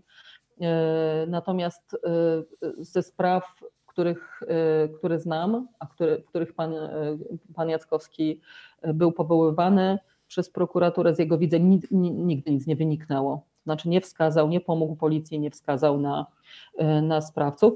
Być może są takie sprawy, w których policji pomógł, nie wiem, może są, ja ich nie znam. To powiedz mi jeszcze, jak wyglądała sytuacja, kiedy ty się starasz o rozmowę z oskarżonym? Co się pisze w, w takiej prośbie o rozmowę, tak żeby poznać Roberta Janczewskiego i e, dowiedzieć się też czegoś od niego samego. Co krakowski sąd powiedział w tej decyzji odmownej, którą dostałaś? E, to znaczy nie było mowy nawet o tym, żeby, żeby porozmawiać e, z Robertem Janczewskim, dlatego że w momencie, kiedy, kiedy no, prokuratura mu przedstawiła zarzuty, on przebywał w areszcie śledczym i kontakt z nim był absolutnie niemożliwy. I mhm. później przez cały okres, również kiedy był, e, kiedy był już oskarżony, kontakt z nim był niemożliwy. Kontakt z nim nawet był utrudniony dla jego rodziców, ponieważ e, oni mogli się do, po długim czasie od, od zatrzymania, od aresztowania pierwszy raz z nim zobaczyć. Listy od niego przechodziły Y, jakby częścią ocenzurowane. Listy rodziców do niego również były cenzurowane, nie mógł dzwonić, y, więc mm, naprawdę y, nie było takiej możliwości w ogóle, żeby, żeby z Robertem Janczewskim porozmawiać, żebym ja mogła z Robertem Janczewskim porozmawiać, więc, więc ja się nawet o to nie starałam, dlatego że po prostu to było absolutnie niemożliwe. To, to do tej pory zresztą jest niemożliwe. Mhm. A powiedz mi jeszcze, do kogo ci się nie udało dotrzeć z tych osób, które sobie e, założyłaś, które miałaś w głowie, tak żeby stworzyć jak najpełniejszy obraz sytuacji? E, czy były takie sytuacje, kiedy się odbijałaś, kiedy nie mogłaś? Bo też e, rejestrujesz wiele takich mm, zbiegów okoliczności, takie reporterskie szczęście. Między innymi tam jest taka sytuacja, kiedy e, chodzisz e, pod kamienicą, e, wychodzisz na spacer z psem, zostawiasz psa na chwilę, bo chcesz zobaczyć, czy, czy znaleźć konkretne mieszkanie przypadkowo dzwonisz do domofonu i ktoś ci te drzwi otwiera. Ktoś, kto też w pewnym momencie podsuwa ci karteczkę sugerującą, że właśnie Leszek L. był e, informatorem policji, więc i takich zbiegów szczęśliwych e, reporterskich trochę było. Ale czego najbardziej żałujesz? Kogo, do kogo ci się nie udało dotrzeć, kto mógł rzucić jakieś nowe światło na tę sytuację, wskazać być może kolejne tropy, tak żeby nie odpuszczać sprawy, która pozostawia cały czas sporo wątpliwości? No niestety nie udało mi się dotrzeć do Leszka S. E, to jest kolega Leszka L i również Roberta Janczewskiego z zawodówki ogrodniczej. I to jest człowiek, który e, pracował w sklepie zoologicznym należącym do e, Leszka L, sprzedawał w nim, był bardzo, bliska, bardzo blisko Leszka L, przyjaźnił się w nim, razem jeździli właśnie na te pokazy gadów do szkół. I bardzo starałam, przez długi okres czasu starałam się, starałam się z nim, żeby z nim porozmawiać, starałam się do niego dotrzeć, ponieważ on mógł potwierdzić lub zaprzeczyć relacji tego świadka, o którym opowiadałam, który widział, który twierdzi, że widział Katarzynę w sklepie Leszka L. No jeżeli Leszek S y, sprzedawał w tym sklepie i jeżeli był bardzo blisko z Leszkiem L w tamtym czasie, no to on też powinien znać Katarzynę i powinien, y, powinien był ją widzieć, więc to by było potwierdzenie zeznań tego, y, tego mojego świadka. Natomiast przez, y, przez dosłownie rok czy półtora roku nie udało mi się znaleźć żadnego, żadnego kontaktu do pana Leszka S., co naprawdę no, no jest praktycznie niemożliwe, jeżeli tylko w sytuacji, kiedy pan Leszek S. został ukryty, ukryty przez prawdopodobnie przez śledczych. Tylko to tłumaczy tą sytuację. Nie zdarzyło mi się nigdy wcześniej, żeby przy takim zaangażowaniu y, i naprawdę rozpuszczeniu bardzo szerokowici, no dotarłam do, do, do całej masy osób, które y, znają Leszka S, czy znały Leszka S i żadna z nich nie ma zielonego pojęcia, gdzie się znajduje Leszek S. Tak jakby po prostu zapadł się pod ziemię, rozpłynął się w powietrzu. Nawet nawet nie mieszka y, w mieszkaniu, w którym opłaca czynsz, tylko prawda, mieszka zupełnie gdzie indziej, a to mieszkanie y, prawdopodobnie stoi puste. Także no to jest zadziwiająca, zadziwiająca historia. Bardzo żałuję, że mi się nie udało do niego dotrzeć. No nie udało mi się też porozmawiać z mamą y, Katarzyny dłużej i tak jakby oficjalnie do książki, ponieważ się nie zgodziła na rozmowę. Ona też występuje w charakterze oskarżyciela posiłkowego, ja dobrze tak, pamiętam, tak, czyli tak, tak. Mm, no, to pokazuje, że jest raczej przekonana o winie Roberta J., tak? To znaczy, ja myślę, Czy... że pani, e, nie chciałabym się w jej imieniu wypowiadać, Jasne. mogę tylko powiedzieć, co mi się wydaje. Wydaje mi się, że pani, mm, mm, pani Bogosława, mama e, Katarzyny, jest przekonana o tym, że działania prokuratury krajowej są słuszne. Myślę, że o tym jest przekonana. Jeżeli prokuratura krajowa twierdzi, że, e, że, że sprawcą tej zbrodni na jej córce jest e, Robert Janczewski, no to ona po prostu też tak twierdzi. Mhm. I ja to widziałam już, nawet, widzę też w sprawie zabójstwa Iwony Cygan, że rodziny ofiar, które przez bardzo wiele lat nie mogły się doczekać wyjaśnienia prawda, spraw zabójstwa ich, ich najbliższych, ich dzieci. W momencie, kiedy prokuratura zabiera się porządnie za tą sprawę, no bo przecież trzeba przyznać, że, że prokuratura krajowa się zabrała z impetem, prawda, z energią nową, zupełnie nieznaną w tej sprawie e, wcześniej, to te rodziny po prostu tak się cieszą, że, że ktoś się wreszcie zajął porządnie tą sprawą, że, że, że, że próbuje, e, próbuje ją rozwiązać, próbuje ją wyjaśnić, że dają takie wotum zaufania in blanco, można powiedzieć. Po prostu po prostu, mm, po prostu wierzą, ufają, kochają i, i czekają, aż, y, aż, aż, sprawa się wyja- aż, aż sprawę prokuratura krajowa wyjaśni. I to jest tak, trochę to ten sam jest... syndrom. Tak, i to też jest y, zrozumiałe, bo nawet myślę, że nie możemy sobie wyobrazić ogromu cierpienia jaka, jaki spotyka e, te rodziny i myślę, że każdy po tylu latach no, czeka na finał tej historii, na jakąś odpowiedź, bo, bo to, co się wydarzyło jest nie do wyobrażenia. To porozmawiajmy jeszcze, Moniko, o granicach w reportażu. Mnie nurtuje jedno zagadnienie, bo tam się pojawiają między innymi opinie biegłych mówiące o tym, że czasami motyw czy sposób działania sprawców jest e, inspirowany filmem, książkami, reportażami. I zastanawiam się, czy nie miałeś takiego lęku, e, że ilość tego zła i też tych szczegółów opisywanych związanych z tym, mm, no, z, z tą straszliwą zbrodnią związaną ze, z oskurowaniem, nie chcę wchodzić w szczegóły, bo jest to bardzo brutalne i makabryczne. Czy nie miałeś w sobie takiej obawy, że taki szczegółowy opis zła też znowu może uruchomić coś w czyjejś chorej wyobraźni? E, to znaczy, moim zdaniem, e, jeżeli ktoś e, szuka inspiracji do dokonania zbrodni, to znajdzie ją i bez mojej książki. Cały internet jest przeładowany opis, prawda, brutalnymi filmami.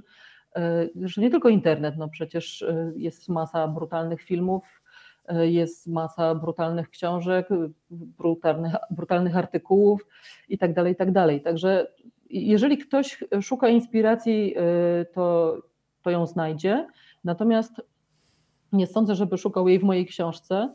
Y, myślę, że, y, że, że ktoś, kto, że, że raczej ta książka przerazi, niż zachęci do tego, żeby, żeby, żeby powielać sposób dokonania zbrodni.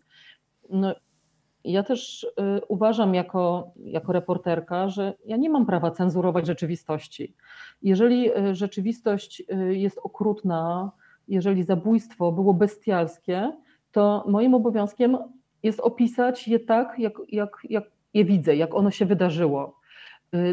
Zresztą wydaje mi się, że, że opis tego zabójstwa może mieć takie działanie, nie wiem, szokujące, takim kontekście, że, żeby ludzie zrozumieli, co, do czego człowiek jest zdolny, co człowiek, e, co człowiek może zrobić drugiemu człowiekowi, do jakiego bestialstwa potrafi się posunąć, w jaki sposób potrafi, e, potrafi e, po prostu pobić i, i, i, i, i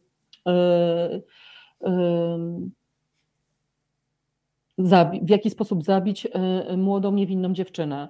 Także raczej taki był mój cel, to znaczy nie epatowanie brutalnością.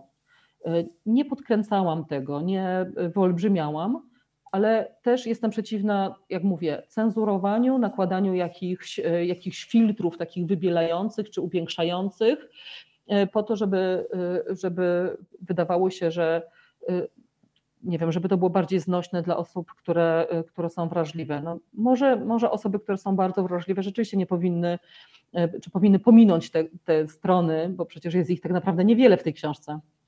Te strony, w których, e, w których są opisane, opis, opisane, jest, opisane są właściwie badania, badania nad szczątkami, no bo przecież jak wyglądała sama zbrodnia, no to nie wiemy.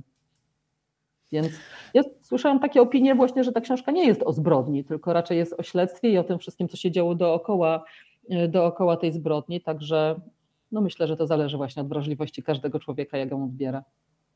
I też na pewno o spirali takiej przemocy, o czym wspominałyśmy, mm, kiedy mówiłaś o y, dzieciństwie na przykład pana Józefa, jak pewien rodzaj zachowań E, jest wchłaniany, przekazywany i wpływa na postrzeganie pewnych rzeczy, co jest akceptowalne, co nie jest. E, bo cały czas też w tym dorosłym mężczyźnie widzę no, potwornie zranionego chłopca e, i, i że to wszystko jest jakoś do, do, połączenia w jednej osobie. Zastanawiam się, które opinie biegłych sądowych były dla ciebie najbardziej zaskakujące. Bo podpisując się pod różnego rodzaju dokumentami, musimy mieć świadomość odpowiedzialności, jaką bierzemy, składając swój podpis. Co cię najbardziej zszokowało, kiedy śledziłaś te wszystkie opinie biegłych. E, mówiłyśmy już o tym, że wielokrotnie były na przykład kolportowane w mediach informacje nieprawdziwe. E, I myślę, że czasem to też wynika być może z tempa pracy dziennikarskiego, niestety. E, dawniej pewnie na reportaże śledztwa w redakcjach reporterzy mieli znacznie więcej czasu, więc teraz pewne informacje są uważane jako już za świętą prawdę i po prostu dalej ktoś się zajmuje innym tematem, a ty pokazałaś, że wiele faktów, no właśnie informacji, które były podawane jako fakty, nie miało nic z faktami wspólnego. Mm, a te opinie biegłych, co cię najbardziej zszokowało w tym, co widziałaś? w pewnym momencie dotarłam do, takiej, do takiego artykułu zamieszczonego w profesjonalnym czasopiśmie poświęconym medycynie sądowy, sądowej. Był to artykuł naukowy napisany przez pracowników Zakładu Medycyny Sądowej Kolegium Medicum UJ w Krakowie, osób, y, przez osoby, które były biegłymi również w tej sprawie zabójstwa, zabójstwa Katarzyny. I w tym artykule y, ci medycy sądowi y, opisy, opisywali różne przypadki, z którymi zetknęli się w swojej pracy i między innymi opisali tam właśnie e, przypadek, e, przypadek śmierci, znaczy właściwie to swoich badań nad szczątkami Katarzyny odnalezionymi w Wiśle. I oni napisali w tym, e, w tym e, artykule, że obrażenia, które, e, które zanotowali podczas swoich badań, czy zaobserwowali swoi, podczas swoich badań na tych odnalezionych szczątkach, wskazują na to, że ofiara, zanim zginęła, zanim straciła życie, musiała doznać wielonarządowego urazu, takiego jak potrącenie przez samochód lub opadek z dużej wysokości jeszcze to, ten artykuł ukazał się w 2007 roku. Natomiast jeszcze wiele lat później, e, chyba jeśli dobrze pamiętam, e, w 2012 roku, jeden ze współautorów tego artykułu, e, pan docent Konopka z Zakładu Medycyny Sądowej Kolegium Medicum UJ w Krakowie, wypowiadał się w prasie, że jego zdaniem osoba, która, która zbezcześciła ciało Katarzyny, nie dokonała jej zabójstwa. Jego zdaniem urazy odnalezione na skórze wskazują na to, że Katarzyna wcześniej doznała właśnie tego typu, y, tego typu urazu, y, a dopiero później ktoś, kto być może mógł nawet odnaleźć jej, jej zwłoki, jej ciało, dokonał po prostu tych kolejnych tych kolejnych bestialskich rzeczy na jej ciele. Także no, muszę przyznać, że to, mm, to mnie dosyć szokowało. No później, e, później prokuratura powołała nowych biegłych, którzy wypowiedzieli się, jakby zakwestionowali te ustalenia krakowskich medyków sądowych i stwierdzili, że nie, te, te obrażenia mogły również powstać na skutek E, po prostu takiego zwykłego, no, znaczy niezwykłego pobicia, tylko po prostu na, na, skutek pobicia przez człowieka przy użyciu różnych, e, różnych narzędzi. Także no proszę zobaczyć, no tutaj po prostu są sprzeczne opinie biegłych i to biegłych, e, biegłych do tej samej sprawy i sprzeczne opinie bardzo doświadczonych medyków sądowych z kraju. No bo gdybyśmy przyjęli, że, że rzeczywiście medycy sądowi z Krakowa w tych swoich y, pierwszych, y, pierwszych ustaleniach mieli rację, y, no to nawet nie można byłoby, prawda, znaczy, no nie można byłoby obwinić Roberta Janczewskiego o zabójstwo, no bo to by, te wyniki by wskazywały na to, że ona jakby zginęła od jakiegoś zupełnie innego, innego wydarzenia, takiego jak, jak właśnie upadek z dużej wysokości lub potrącenie przez samochód. Do tej sprawy zostają też zaangażowani zagraniczni eksperci.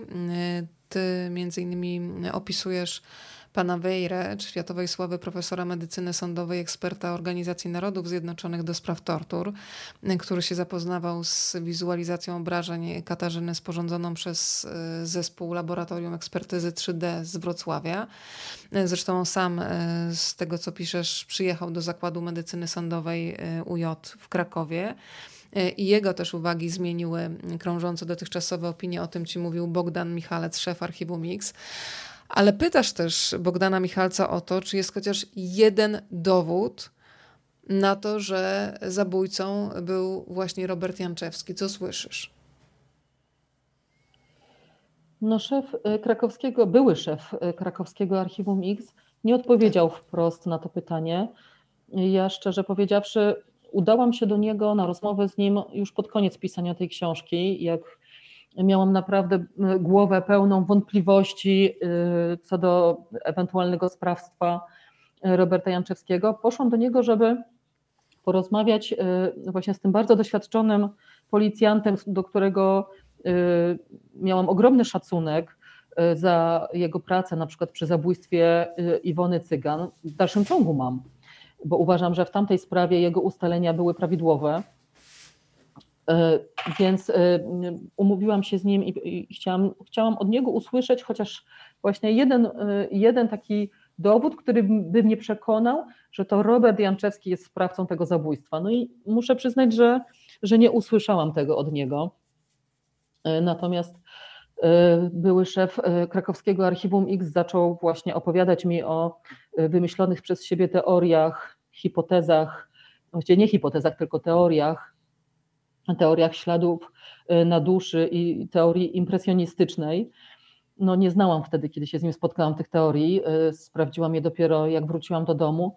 No i okazało się, że, że najwyraźniej pan, y, pan Bogdan Michalec, były szef y, krakowskiego Archiwum X, kierował się w tej sprawie tak zwanymi śladami na duszy, czyli jeśli dobrze rozumiem tą teorię, są to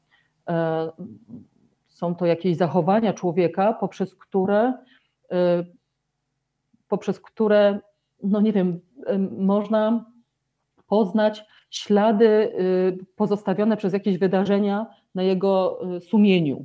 Tak to, tak to przynajmniej rozumiem. Nie wiem, czy dobrze. Natomiast w momencie, kiedy dużo się tych śladów, czyli takich, takich nietypowych, niestandardowych zachowań w, w, człowieka pojawi, wtedy, wtedy mówimy jakby o tej metodzie impresjonistycznej, która, która jak rozumiem, utwierdza policjantów czy pana Michalca w przekonaniu, że, że wskazali właściwego człowieka.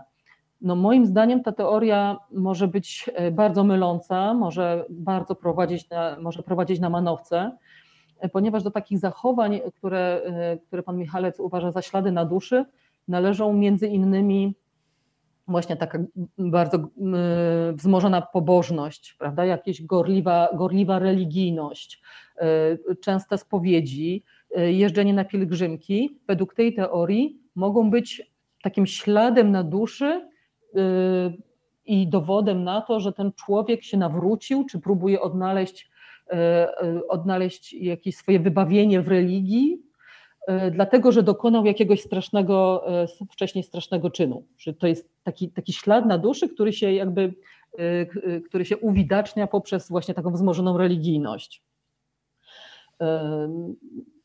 I, i, i tego typu w mojej, w mojej ocenie, tego typu kierowanie się tego typu śladami na duszy, no może być mylące, ponieważ no człowiek, prawda, staje się religijny, z różnych powodów. No, nawet jeżeli, jeżeli rzeczywiście zaczyna być religijny w tym czasie, kiedy doszło do zabójstwa, no przecież w jego życiu się mogło dokonać cała masa, mogła się dokonać cała masa zdarzeń, które, przez które stał się religijny, a niekoniecznie musi mieć coś na sumieniu. E, po prostu interpretacja może wywieźć nas w pole, tak, e, tak uważam.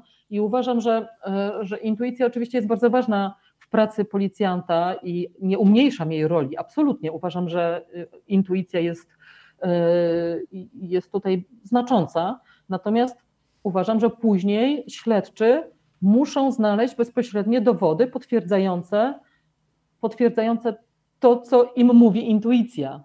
Prawda? Nie, tak. może, nie można skazać na E, na dożywocie człowieka, tylko na podstawie jakichś e, właśnie Intuicji. przeczuć, prawda? Na podstawie przeczuć, na podstawie śladów na duszy e, interpretowanych dowolnie, interpretowanych prawda, bardzo subiektywnie przez śledczego. To muszą być, to muszą być tak zwane twarde dowody, zeznania wiarygodnych świadków, jeżeli już nie ma śladów DNA czy jakich, jakichś innych śladów biologicznych, to, to, to, to, to naprawdę muszą być, muszą być zeznania wiarygodnych świadków potwierdzone przez zeznania jeszcze innych świadków, żeby, żeby rzeczywiście e, nagle ta teoria nie, czy ta hipoteza zbudowana na, tak, na poszlakach nie okazała się e, błędna po prostu.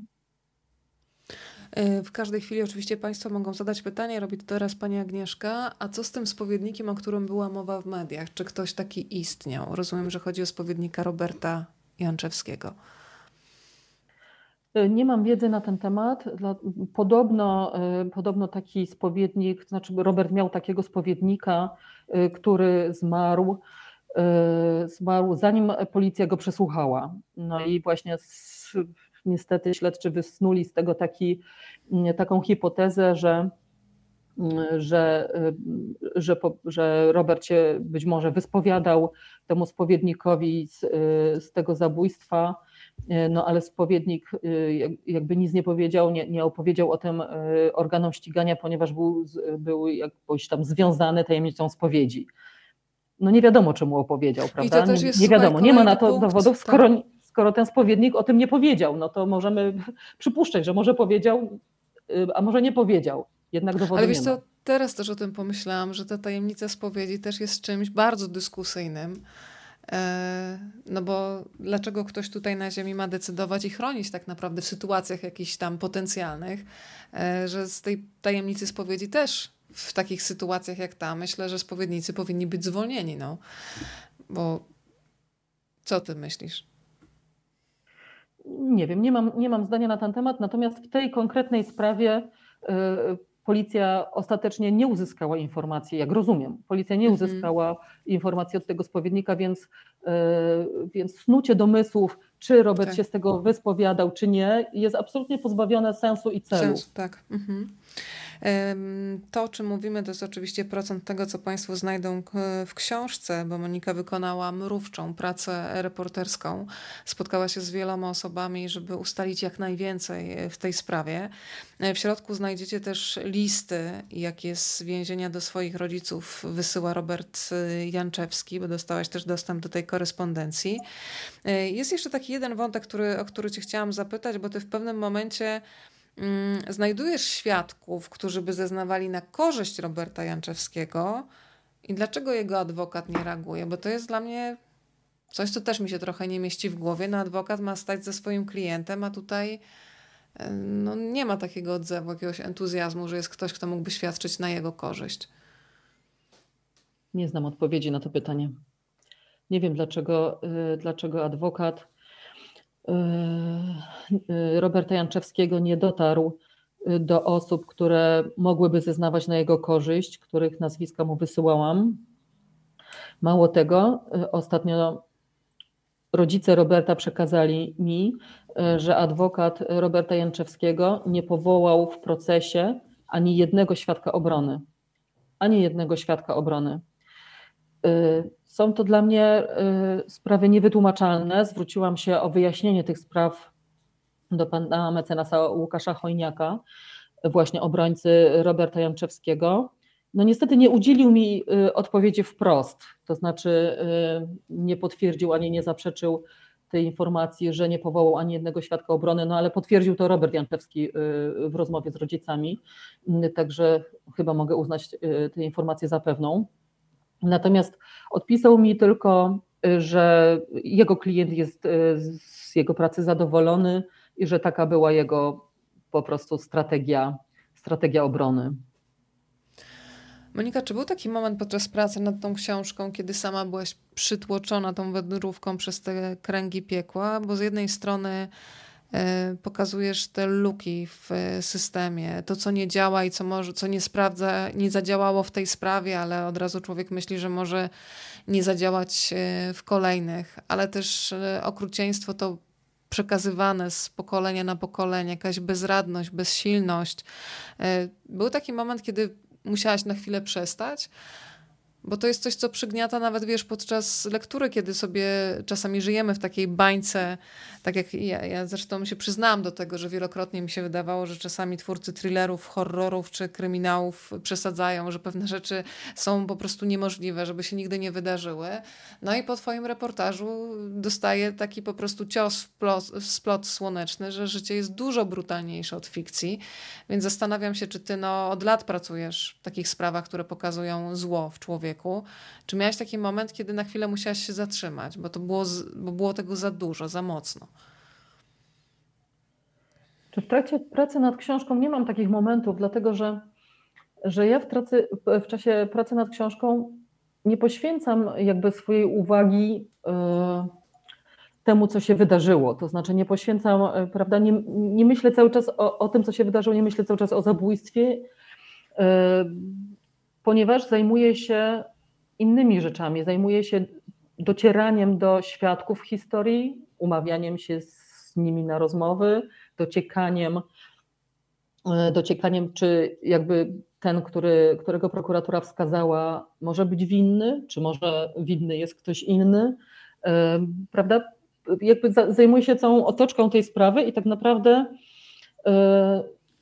tak naprawdę ten czas nie jest wcale jakiś taki traumatyczny dla mnie, dlatego że spotkania z ludźmi, e, ze znajomymi e, i, czy, czy, czy z osobami, które znały e, Roberta Janczewskiego, czy znały Leszka L., czy, czy z innymi świadkami tej historii są zwykle bardzo przyjemne i miłe i ludzie chętnie rozmawiają i chętnie dzielą się swoimi, swoimi wspomnieniami. Oczywiście w momencie, kiedy mówią o, o jakichś strasznych rzeczach, prawda, o jakichś potwornych wspomnieniach, no to to te spotkania, e, te spotkania są e, smutne i, e, i przykre, ale w czasie pracy nad książką nie mam takich, nie mam takich momentów, ponieważ jestem też jakby wciągnięta w historię i angażuję wszystkie swoje środki i całą swoją energię na próbę jakiegoś tam wyjaśnienia tej sprawy, na tyle na ile potrafię, prawda, na tyle na ile mogę swoimi skromnymi środkami. Natomiast rzeczywiście taki moment przyszedł jakby już po napisaniu, po napisaniu książki i oddaniu jej. Y, poczułam jakiś taki straszny ciężar, który po prostu gdzieś tam mam na sercu, y, na duszy, można powiedzieć, co by się pewnie y, byłemu szefowi Archiwum Mix w Krakowie spodobało, który mam, który, który jakoś tam mnie przygniata, prawda, jak ten dusiołek z wiersza. Y, że, że rzeczywiście y, to dociera, to dociera cała ta prawda, okrucieństwo tej, tej zbrodni i, i ca, całe okropieństwo tej historii do, dociera do, y, dociera do człowieka dopiero po jakimś czasie, w momencie, kiedy jakby opadną już te emocje związane, związane z całym tym pseudodochodzeniem. Monika, jak wygląda kwestia uzasadnienia wyroku? Czy to jest coś, co każdy może zobaczyć, usłyszeć, przeczytać? Bo byłaś świadkiem wielu orzeczeń sądu, czy w przypadku Jaroszewiczów, czy w przypadku e, sprawy Iwony Cygan. E, jak tutaj wygląda sytuacja? Nie zostaliśmy jako dziennikarze wpuszczeni na salę sądową, żeby wysłuchać uzasadnienia wyroku. E, tutaj jest bardzo, bardzo ściśle pilnowany zakaz że tak powiem, zbliżania się dziennikarzy do tej sprawy w ogóle. Nie było nigdy e, zgody na wgląd do akt, otrzymali ją nieformalnie, e, tylko otrzymałem tylko kilku dziennikarzy. Ja wielokrotnie się o to starałam i nigdy takiej zgody na wgląd do akt nie dostałam. I obawiam się, że takiej zgody na, na wgląd do tych akt nigdy nie będzie. Myślę, że, że tutaj sąd krakowski nie udzieli zgody na to, żeby dziennikarze zapoznali się kiedykolwiek z całymi aktami tej sprawy. Obym się myliła, ale mam, mam przeczucie, że, że, że, że nie będzie tej zgody. Nie było, nie było zgody sądu i prokuratury na to, żeby dziennikarze uczestniczyli w rozprawie i y, obserwowali, y, prawda, y, czy, czy słuchali tego, co prokuratura zgromadziła na Roberta Janczewskiego. Natomiast jak chodzi o ogłoszenie wyroku, to e, dziennikarze mogli być tylko na wygłoszeniu e, jakby treści wyroku, natomiast uzasadnienie ustne e, było niejawne i dziennikarze zostali wyproszeni z sali. Więc usłyszeliśmy tylko właściwie, że Robert Janczewski, prawda, stwierdzono, został skazany w pierwszej instancji przez krakowski sąd okręgowy za to, że dokonał tej zbrodni. No i tyle wiemy, tyle wiemy. Natomiast uzasadnienie ustne y, nie mogliśmy usłyszeć, a uzasadnienie pisemne podobno jeszcze nie jest sporządzone, no ale z całą pewnością też nie będzie dziennikarze nie będą mieli y, wglądu do, do uzasadnienia pisemnego. Także zupełnie nie wiemy, w zasadzie można powiedzieć, nie wiemy, dlaczego krakowski sąd skazał Roberta Janczewskiego za tę zbrodnię. I to jest e, kolejna sprawa, która no nie pozwala spokojnie spać po lekturze Twojego reportażu. Wyrok e, powiedzmy, że nie jest prawomocny, więc wiadomo, że ta sprawa będzie się nadal toczyć. I zastanawiam się, czy, czy ją zostawisz, porzucisz, czy uznajesz, że już zrobiłaś swoje tyle, ile mogłaś, czy będziesz e, razem z rozwojem tej sprawy również do niej wracać? No jeżeli się pojawią tylko jakieś możliwości kontynuowania tej sprawy, to y, ja oczywiście będę się chętnie nią zajmować, dlatego że no, cały czas musimy pamiętać o tym, że być może w tej sprawie w pierwszej instancji został skazany niewinny człowiek. Być może tak jest. I myślę, że, że nie możemy po prostu tej sprawy, tej sprawy zostawić, że trzeba y, jednak nalegać, naciskać, wywierać każdy możliwy wpływ, żeby prokuratura czy sąd w tym momencie y, się nią zajął od nowa, żeby zlecił y, przesłuchania policjantów, którzy zajmowali się nią w pierwszych latach śledztwa, żeby spróbowano dotrzeć do, do świadków, do znajomych Leszka L., żeby ich przesłuchać, przepytać i wyjaśnić, wyjaśnić tę sprawę tak, żeby naprawdę nie było wątpliwości, że skazujemy człowieka odpowiedzialnego za te zbrodnie. Także jeżeli się pojawią, jeżeli byłaby zgoda sądu na wgląd do akt, w co bardzo wątpię, jak mówię, albo jeżeli byłaby możliwość y, rozmowy chociaż z prokuratorem na temat, na temat jego ustaleń, czy z sądem. Jeżeli byłaby możliwość rozmowy z samym Robertem Janczewskim, to ja oczywiście bardzo chętnie bym kontynuowała ten temat, właśnie tak jak mówię, no z uwagi na to, że te wątpliwości wokół jego skazania nie zostały, nie zostały wyjaśnione i, i, i należy je wyjaśnić. Kryptonim Skóra, książka, która jest e, śledztwem dziennikarskim, a jednocześnie też pokazuje, jak, e, jak się rodzi zło, bo to też możemy e, prześledzić. Mm, pytania jeszcze od Państwa mm, na koniec. Od Pani Joanny. Monika, jak odreagowujesz pracę tego rodzaju? Chodzę na długie spacery, chodzę na fitness, uczestniczę w różnych zajęciach, w których nie trzeba myśleć bo wtedy po prostu jest zaangażowane ciało i y, głowa jest wyłączona, więc w taki sposób ruchowy, że tak powiem, wracam jakby do normalności. Poza tym lubię wyjeżdżać, ponieważ to też, y, to też tak oczyszcza umysł, oczyszcza głowy, głowę, nabiera się dystansu do tego, nad czym się pracowało przez ostatni czas. A zastanawiam się, jak często dostajesz też y, wsparcie ze strony policjantów czy organów ścigania. Dostajesz też takie jasne komunikaty, że dobrze, że drążysz, dobrze, że szukasz, bo tutaj mówimy, że no, wiele drzwi jest zamkniętych, widać, że pewne sprawy są niejawne, no, no ewidentnie czuć, że dziennikarze się od tej sprawy odsuwa, ale czy czujesz też na co dzień mm, sprzymierzeńców?